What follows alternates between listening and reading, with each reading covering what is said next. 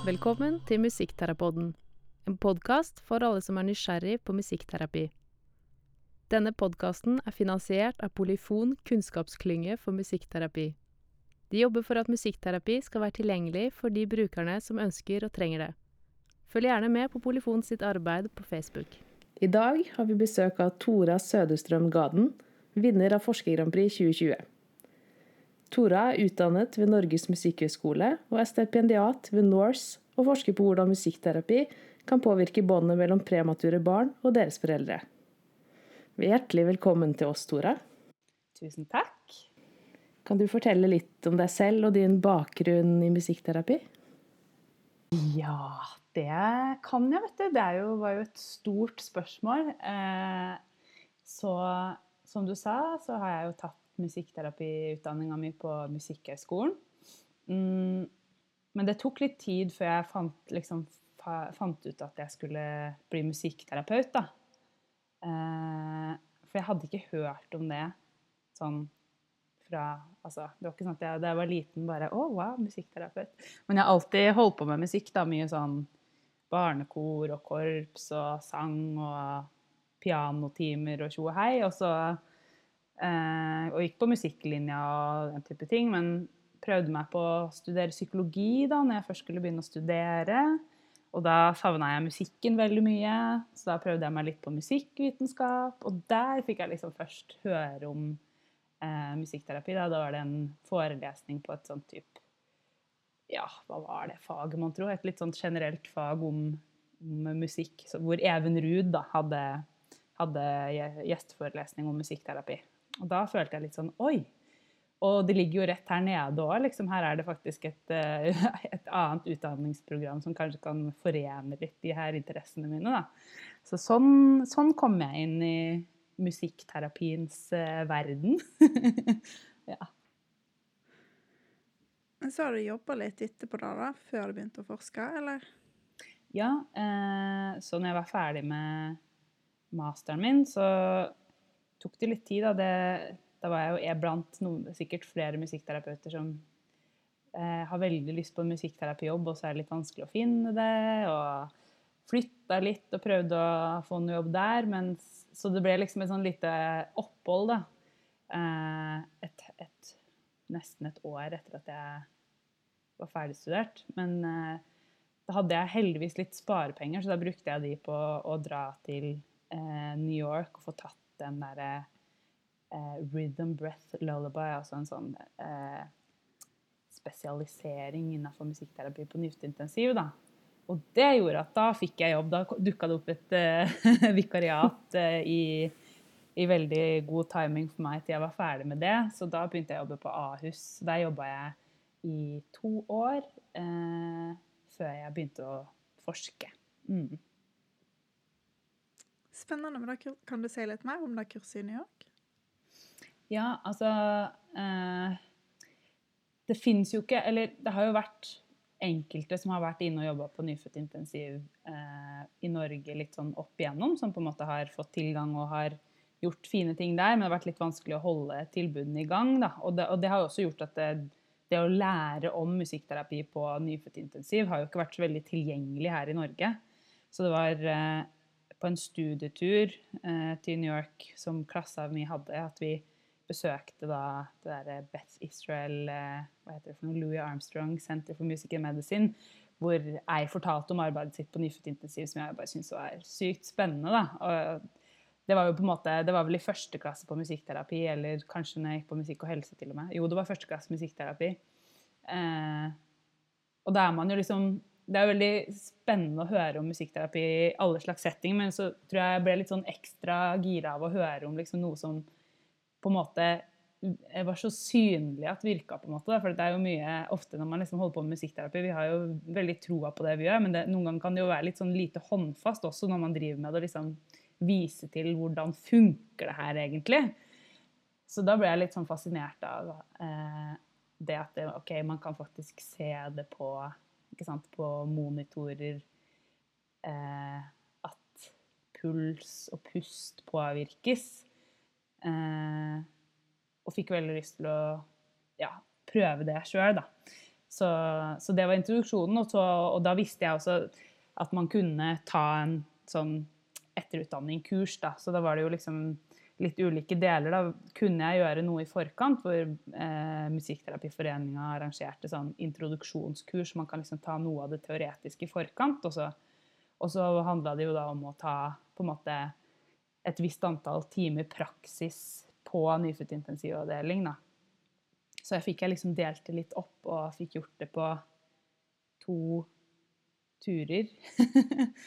eh, ja.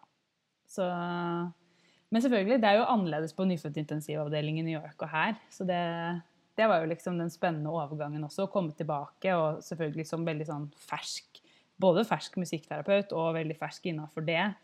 Og på en måte tørre å, å, gå litt i gang med det, da. Det, det var jo litt skummelt, men også veldig spennende. Kan du si litt om hva det er? Fordi nå på en måte Jeg ser for meg barn som ligger i kuvøse og eh, mm, Litt sånn pusting og sånn, da, siden det er da du har nevnt at det er en utdanning, og så er det på en måte fokus på det. Men jeg, ja, jeg vet jo ingenting mm. på en måte om hvordan det er, da. Nei. ja.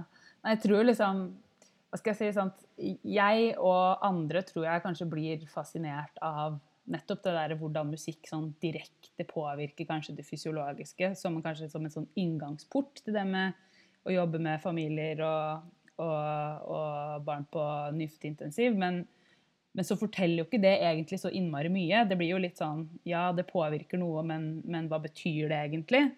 Eh, men så når man jobber med musikkterapi på nyfødtintensiv, så så er jo én ting at man jobber med hele familien. Det er jo noe som på en måte kanskje har blitt mer og mer eh, viktig. Altså, der hvor musikkterapi på nyfødtintensiv starta, det begynner jo å bli en stund siden. På tidlig 90-tall så, så, var ikke nyfødtintensivavdelingen ennå like opptatt av det at foreldrene skulle delta aktivt i pleie og omsorg, men det er jo sånn som har forandra seg. Og nå er det jo det man legger opp til, at, at foreldrene skal få lov til å delta mest mulig, sånn at de kan oppleve mestring og bli kjent med barnet sitt og, og si, eh, hva sitt barn tåler og ikke tåler, eh, som igjen forandrer seg hele tida. Og litt den tankegangen tar vi jo med til musikkterapien også, at, at musikkterapien kan kanskje eh, fungere på ulike måter gjennom oppholdet på nyfødtintensiv. Første fase er jo et liksom, sjokk og krise for hele familien. Og da kan jo kanskje musikkterapien være like viktig for foreldrene, egentlig. Og, og, kunne tilby en måte å eh, kanskje slappe av litt. Eh, eller en måte å uttrykke seg, en måte å, liksom en form å være sammen med barnet sitt når du på en måte plutselig har blitt forelder og kanskje er veldig redd og ikke engang liksom vet, Kanskje ikke får lov til å ta på barnet ditt. Eh, eh, føler deg veldig på en måte separert da, eh, for tidlig. For det er jo ikke bare barnet som, som, kommer for tidlig. Foreldrene blir jo liksom også foreldre for tidlig. De har liksom ikke rukket helt å gå gjennom hele den mentale forberedelsen og alle de på en måte ja, både biologiske og psykologiske prosessene som, som man skal da, for å på en måte være beredt. Så, så, jobben til musikkterapeuten, sånn som jeg ser det, i hvert fall sånn hvis jeg tenker nå ut, eh, ut, fra hvordan jeg jobba på eh, Ahus, så handler det jo om å være en, en, støttespiller for foreldrene i å bli kjent med å oppdage barnet sitt. Og samtidig òg på en måte være en, en eh, en stemme for barnet og ha en kunnskap om hva, hvordan premature viser at det er for mye, passelig for lite, hva de trenger, sånn at man liksom klarer å forene litt sånn det som kommuniseres ellers på avdelinga, inn i det arbeidet man gjør. Da, sånn at det, det, blir liksom en sånn rød tråd i at foreldrene liksom, som et overordna mål skal bli på en måte bedre kjent og ha gode opplevelser sammen med barnet sitt. Eh, og så kan jo det med på en måte man skal jo heller ikke bagatellisere det at det, det faktisk har noe å si for de fysiologiske eh, eh, aspektene også. At, at, premature har jo gjerne problemer med å puste fordi lungene er noe av det som modnes sist. Så når, når forskninga da sier at, eh, at eh, pustinga til de premature forbedres av å, å, ha musikkterapi, så er jo det en stor ting, eh, og noe vi skal være veldig stolte av. Eh, men at det er liksom veldig mange lag til stede. da, At man jobber liksom med både foreldre og barn sammen, foreldre som står i krise, barn som gjennomgår på en måte veldig krevende ting rent fysisk. Så, så, så det er liksom mye å ta med seg. Så jeg tror man liksom må ja, være litt sånn eh, beredt på å jobbe med forskjellige aspekter av det da, når man kommer inn der. Jeg tenker jo at Det er jo veldig sånn, viktig forebygging da, da å jobbe med da, relasjonen mellom barn og foreldre når det er så kritisk i da barnet blir født og i tida etterpå. Mm. For uh, jeg, jeg jobber jo i psykisk helsevern, og de som kommer til oss, har jo utfordringer i relasjon til andre som de ofte har fått tidlig i livet. da. Mm. Det til. så det er jo veldig, er veldig viktig forebyggende arbeid, egentlig. At det er noen som jobber med de tingene. Det. Ja. Og så er det litt interessant, da, for at, fordi at eh, forskninga er jo faktisk liksom litt tvetydig på det med eh, premature og, og, og, og, på en måte risk for, eh, risiko for tilknytningsproblemer og sånn. Det er liksom litt sånn som jeg har på en måte eh, blitt bedre kjent med etter hvert, nå som jeg har kommet mer inn i forskninga. For at det, lenge så trodde man jo, og, og lenge var det sånn, fordi at eh, nyfødtintensivene eh, var ikke lagt opp til at foreldrene skulle kunne være der. ikke sant? Sånn da var det mye mer separasjon involvert, og, og da var det kanskje også eh, høyere risiko for at, det, at båndet mellom foreldre og barn ikke ble like sterkt som, som det kanskje ville ha vært eh, under normale omstendigheter. Mens nå er det andre enn som kanskje har funnet at enkelte foreldre på en måte blir ekstra knytta til barnet sitt, for de tilbringer på en måte ekstra tid. Og det syns jeg var veldig fint, noen av de foreldrene som jeg møtte på nyfødtintensiv. At, altså, snakk om å på en måte klare å snu noe som er veldig vanskelig, til noe bra. og liksom, å ja, men Det er jo på en måte litt koselig, for nå får vi liksom bare være her sammen og bare fokusere kun på oss, og liksom at uh, han eh, skal vokse, eller Altså å få liksom bonustid sammen. Jeg var ganske sånn imponert over noen av de foreldrene sin evne til å liksom hva skal jeg si, være i si, gleden over å ha fått det barnet uansett, selv om det også skjedde på en annen måte. da. Men alle har liksom sin, sin historie, da, og jeg tror liksom Det kommer jo helt an på ja, hvem foreldrene er, og hva slags opplevelser de har med seg. og Vi er jo alle forskjellige i hvordan vi står i krise. og og hva det utløser i oss. Men det er jo ingen tvil om at, at hvordan foreldrene har det. Om de opplever angst og depresjon eller får traumer av en sånn opplevelse, at det kan påvirke barn også. Sånn er, det, sånn er det med foreldre og barn, og vi vet jo det at det første året altså Det har veldig mye å si da, for barnets helse og livskvalitet videre. Så. Mm. Hvordan føler du det på en måte har vært når du har vært på nyfødtintensivavdeling og med de andre faggruppene som jobber der, og hvordan ser de på musikkterapi? Og har de tatt til seg på en måte noe av det du har gjort?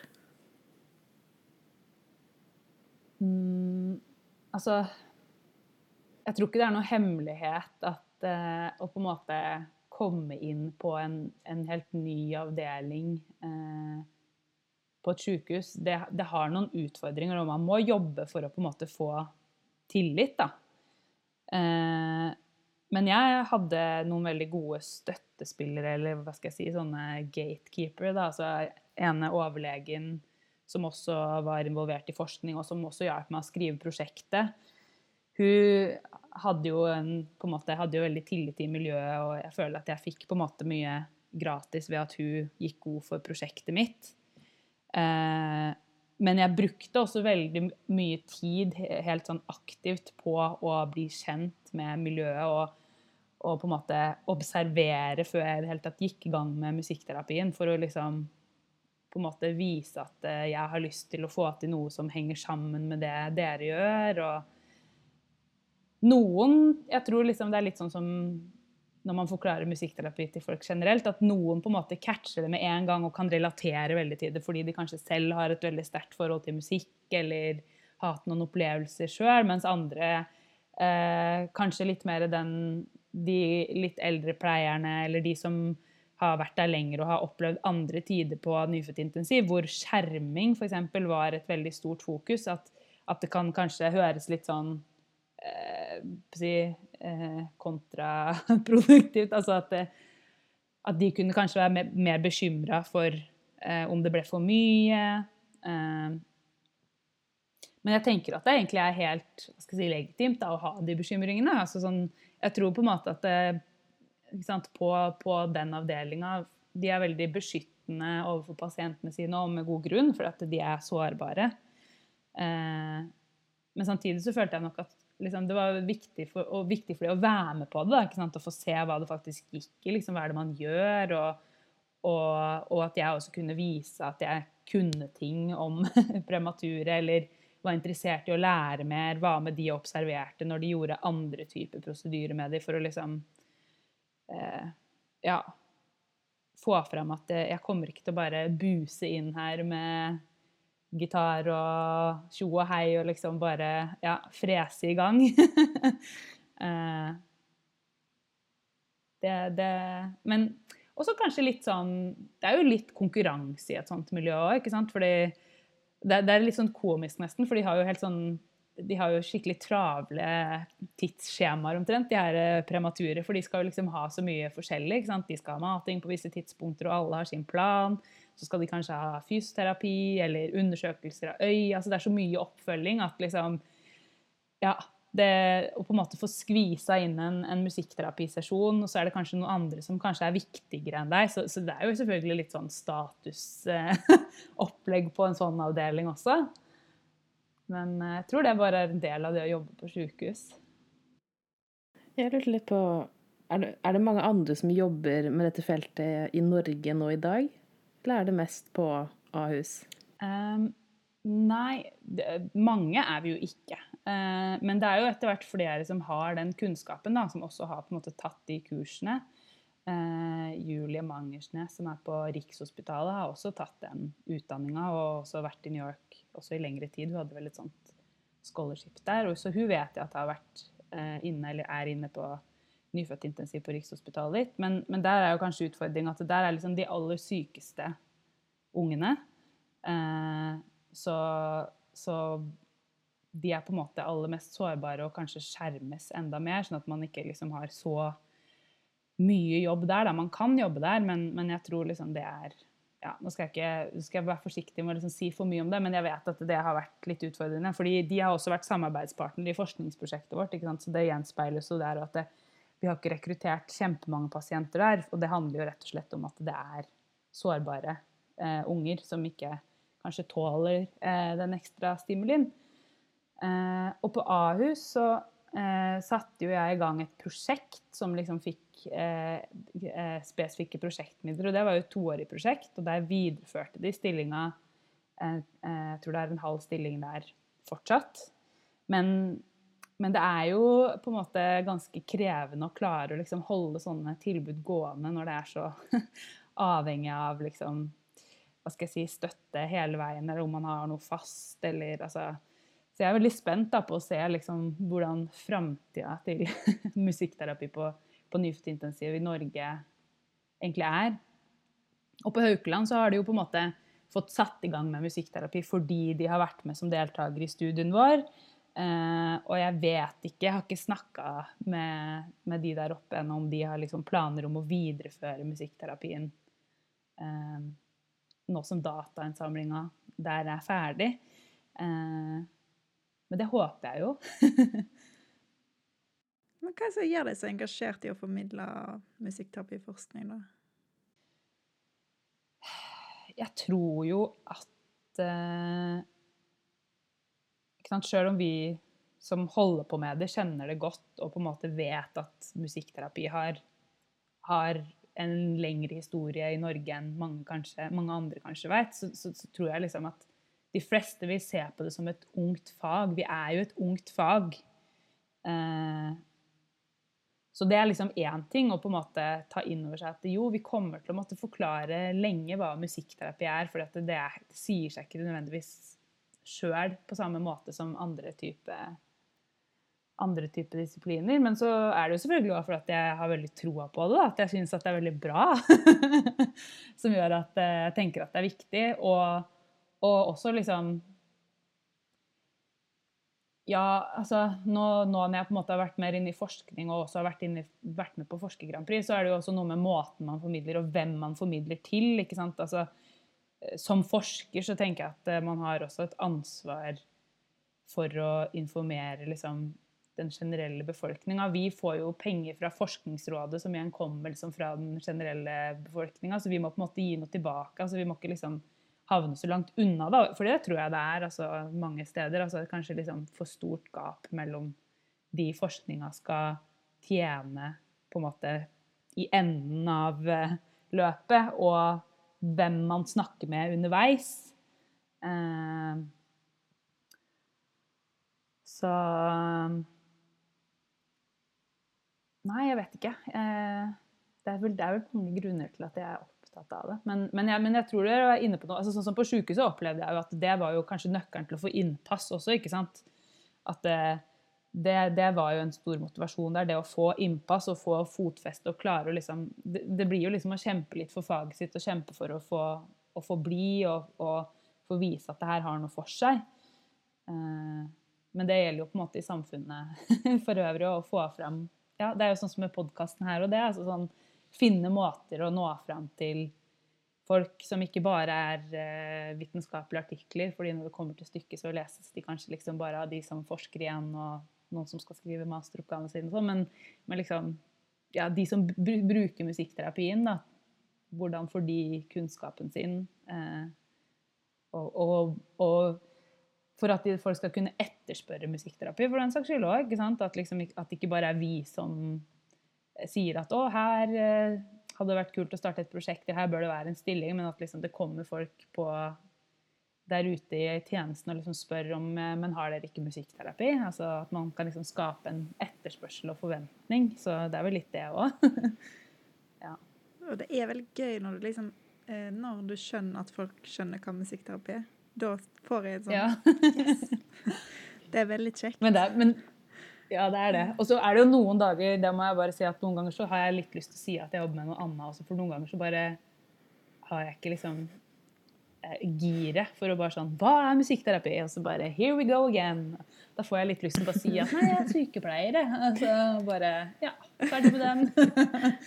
det, det, kommer litt an på. Mens andre dager kan det jo være skikkelig kick. ikke sant? Og også når du merker at det er noen som liksom er veldig sånn genuint interessert, da, eller Ja.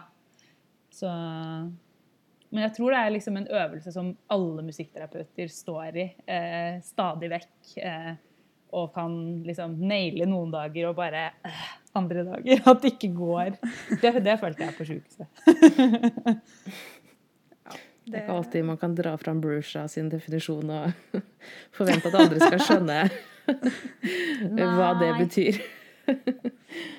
nei, jeg tror eh, Nei ofte så tror jeg det er andre ting som gjelder. Ja. Jeg tror kanskje det som treffer mest, er jo når man liksom har gode eksempler. da.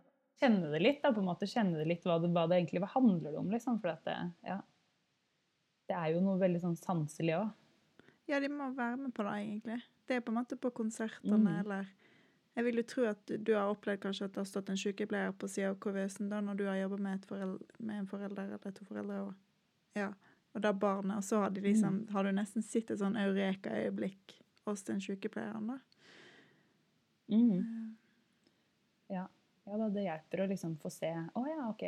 For dette ikke sant? Og kanskje særlig sånn som med de premature, da, som på en måte OK, hvordan kan de egentlig delta ikke sant, i musikkterapi, og, og, hvem er det her for? Og mange blir kanskje frista til å liksom dele veldig opp sånn og ja, men det er for foreldrene, og det er for barnet, men det er jo kanskje det som også er litt sånn eh, unikt, eller i hvert fall ekstra tydelig da, når man jobber på, på nyfødtintensiv. At liksom, du, du, jobber med alle de her lagene samtidig, og så kan du fokusere på én ting mer enn én en dag og noe annet enn annen. Men, men, det skal liksom tjene alle på, på, et vis. Altså for når barna har det bedre, har foreldrene det bedre. Og når foreldrene har det bedre, så har barnet det bedre. Altså, man kan ikke isolere det.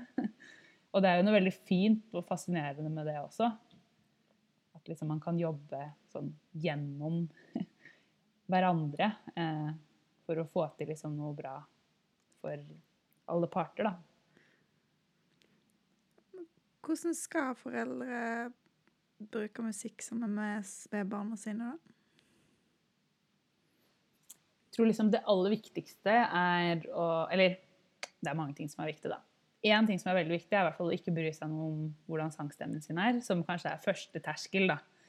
Jeg tror det er ganske mange der ute som ikke føler seg som sangere, og jeg har møtt masse foreldre som sier at de ikke kan synge. Og, men eh, altså, det er en klisjé, men det er sant. Altså, det er foreldrene sin stemme som barnet liker best. Og hvis jeg er heldig, så kan jeg kanskje få til en sånn eureka-opplevelse av at det faktisk noen foreldre får på en måte se det da, i praksis ved at liksom, ok, ja, men når de synger, så er barnet mer stabilt enn f.eks. når jeg synger. Hvis jeg er veldig heldig og liksom får til noe sånt. Og det kan jo være en supermotivasjon. Da snakker vi jo på sjukehus i, i, den settingen. Men det er kanskje første bud. og så er vel liksom det andre å på en måte å være til stede og på en måte legge merke til hva som skjer. da, liksom Ikke bare dure på og, Det er bra å synge, men, liksom, okay, men hva, hva, skjer egentlig med barnet ditt? Hvordan responderer de? Legge inn noen pauser, fordi det trenger vi alle for at liksom, å rekke å reagere. Og særlig da hvis man er litt umoden i hjernen sin, sånn som de premature, så må ting gå saktere og mer pauser og mer varsomt. Men, men det er mye man kan gjøre. Eh, og så trenger man ikke å kunne masse barnesanger.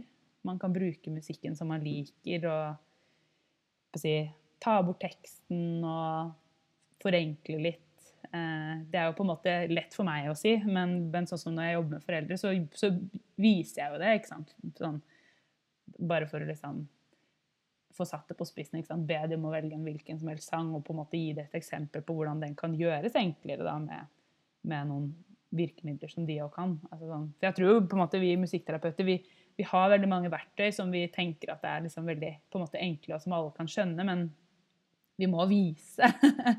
Eh, det er ikke bare å gi en oppskrift.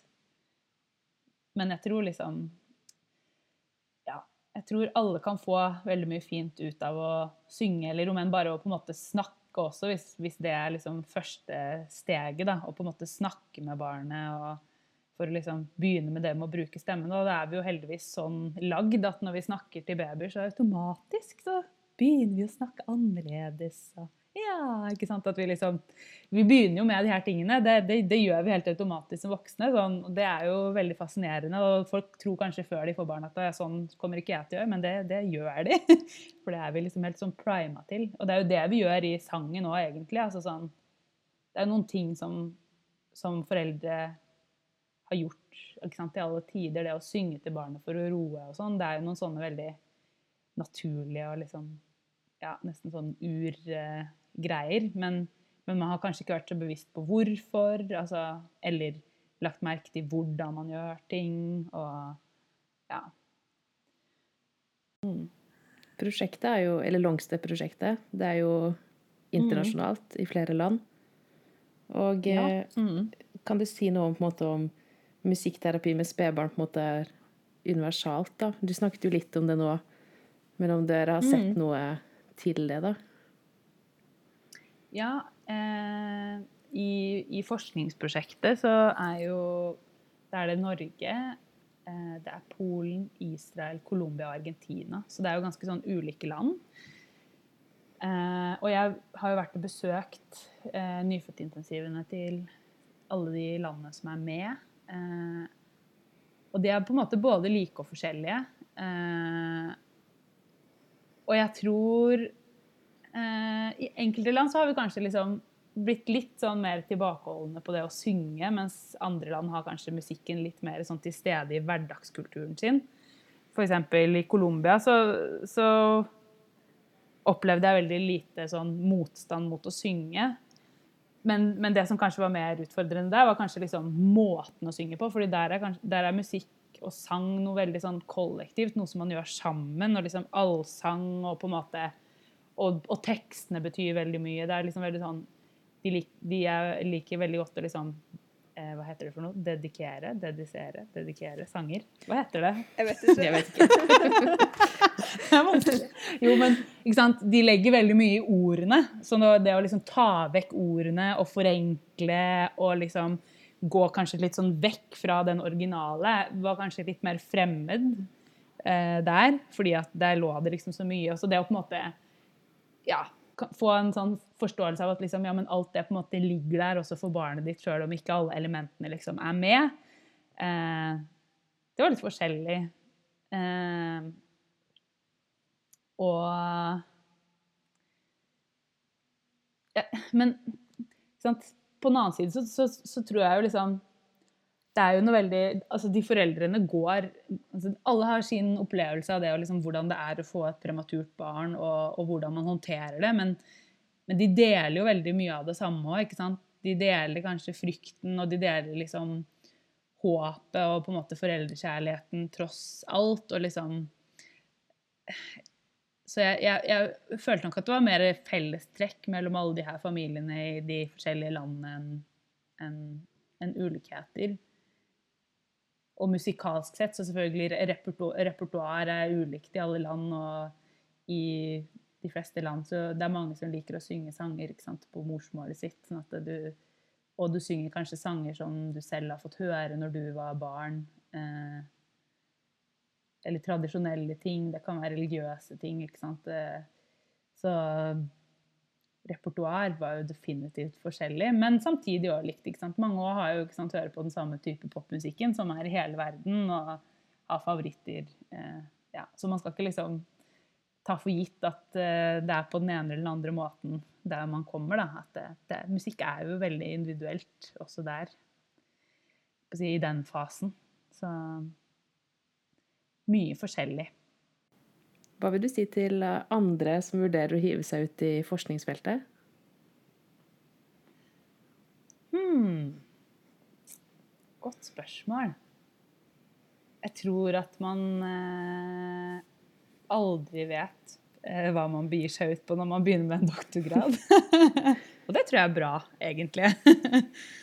eh, men det gir jo en, en, veldig bra mulighet til å virkelig liksom fordype seg i noe. Og siden musikkterapi i Norge eh, også er et ungt fag, så har man jo fortsatt mulighet til å virkelig bidra med noe sånn Altså Hvis man har lyst til å forske på noe som kan være med å endre praksis, eller eh, ja, Det er jo veldig mye som er uutforska, eh, og det er jo veldig kult. At man, man, har fortsatt liksom Det er ikke sånn at det er så mange forskere eh, her at det ikke er plass til eh, flere innafor visse områder. Så eh, hvis det er noe man er skikkelig nysgjerrig på, så tror jeg liksom Vi er heldige med at det, miljøet vårt er på en måte akkurat så lite og så stort at man kan lett få kontakt med folk som, altså de rette folka som kan hjelpe deg å utvikle et bra prosjekt. At det er en veldig sånn vilje til å hjelpe i forskningsmiljøet.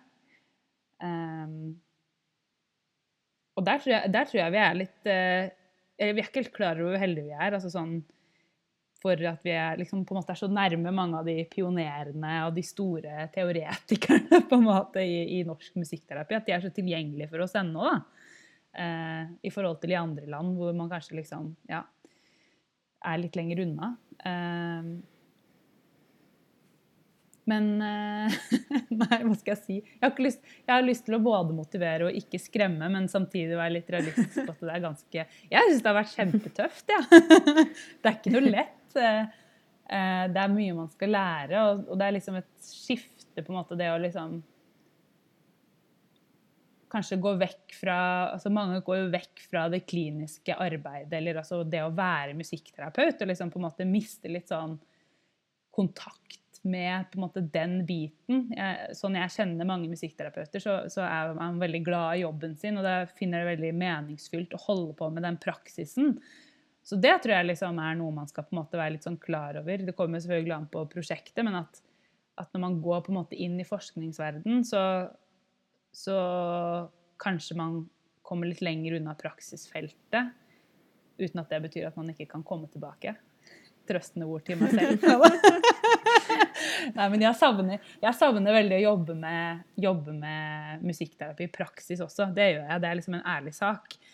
Eh, men da er det jo også fint å jobbe på noe altså jobbe med en forskning som liksom er på en måte handler jo om praksis og implementering og utvikling av praksis. Så ja. Det ble kanskje litt, det ble litt rotete, men jeg har så mange følelser i forhold til dette at jeg vet ikke hva jeg skal si. Jeg synes det høres ut som et eh, veldig ærlig svar på hvordan det er å skrive doktorgrad. For um, jeg, jeg kjenner andre som har gjort det, som tror vil gi et ganske sånn likt svar som det du gir nå, da. Og så tror, jeg, så tror jeg at det svaret det kommer til å endre seg eh, etter hvor den du spør, er i løpet. Eh, plutselig er man liksom i en god eh, fase hvor man føler at man får til ting. Eller så er man sånn som meg nå, nå er jeg liksom midt i statistikken og føler meg rimelig sånn uh, Litt på tynn is og veldig ute av komfortsona. så da syns jeg kanskje at det er hakket skumlere enn akkurat rundt Forsknings-Grand Prix, og jeg liksom Yes, endelig følte det. Nå, nå fikk jeg til noe bra, liksom. Så, så nei, det, det, går i bølger.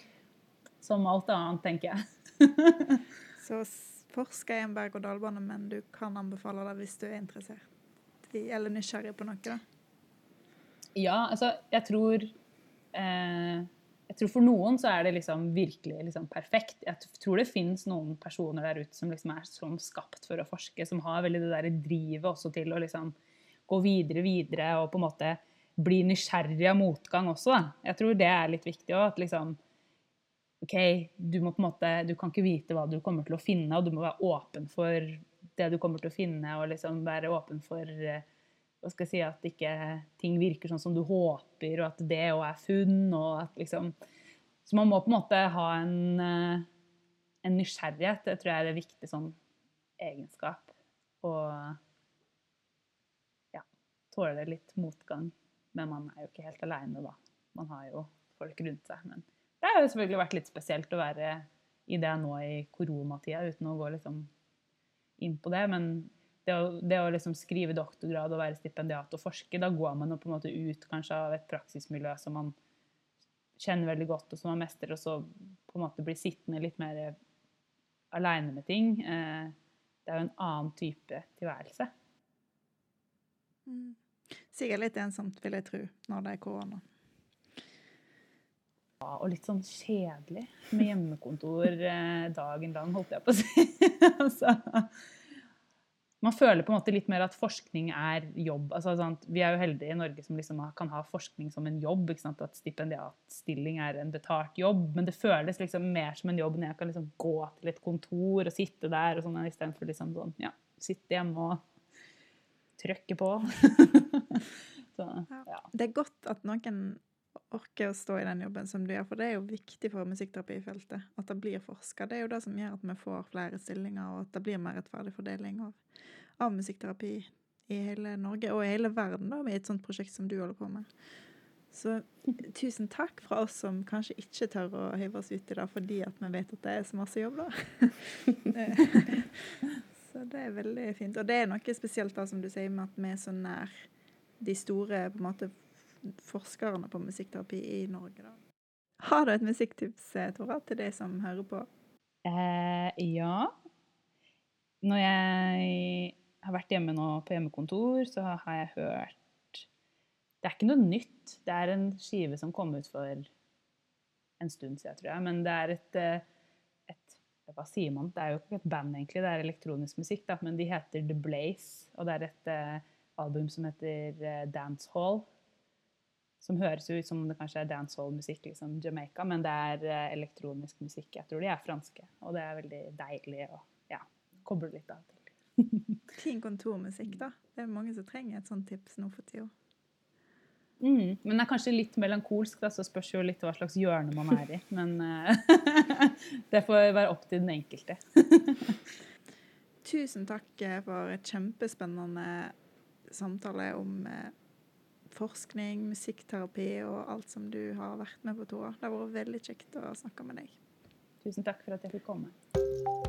Ha det! Ha det! Ha det!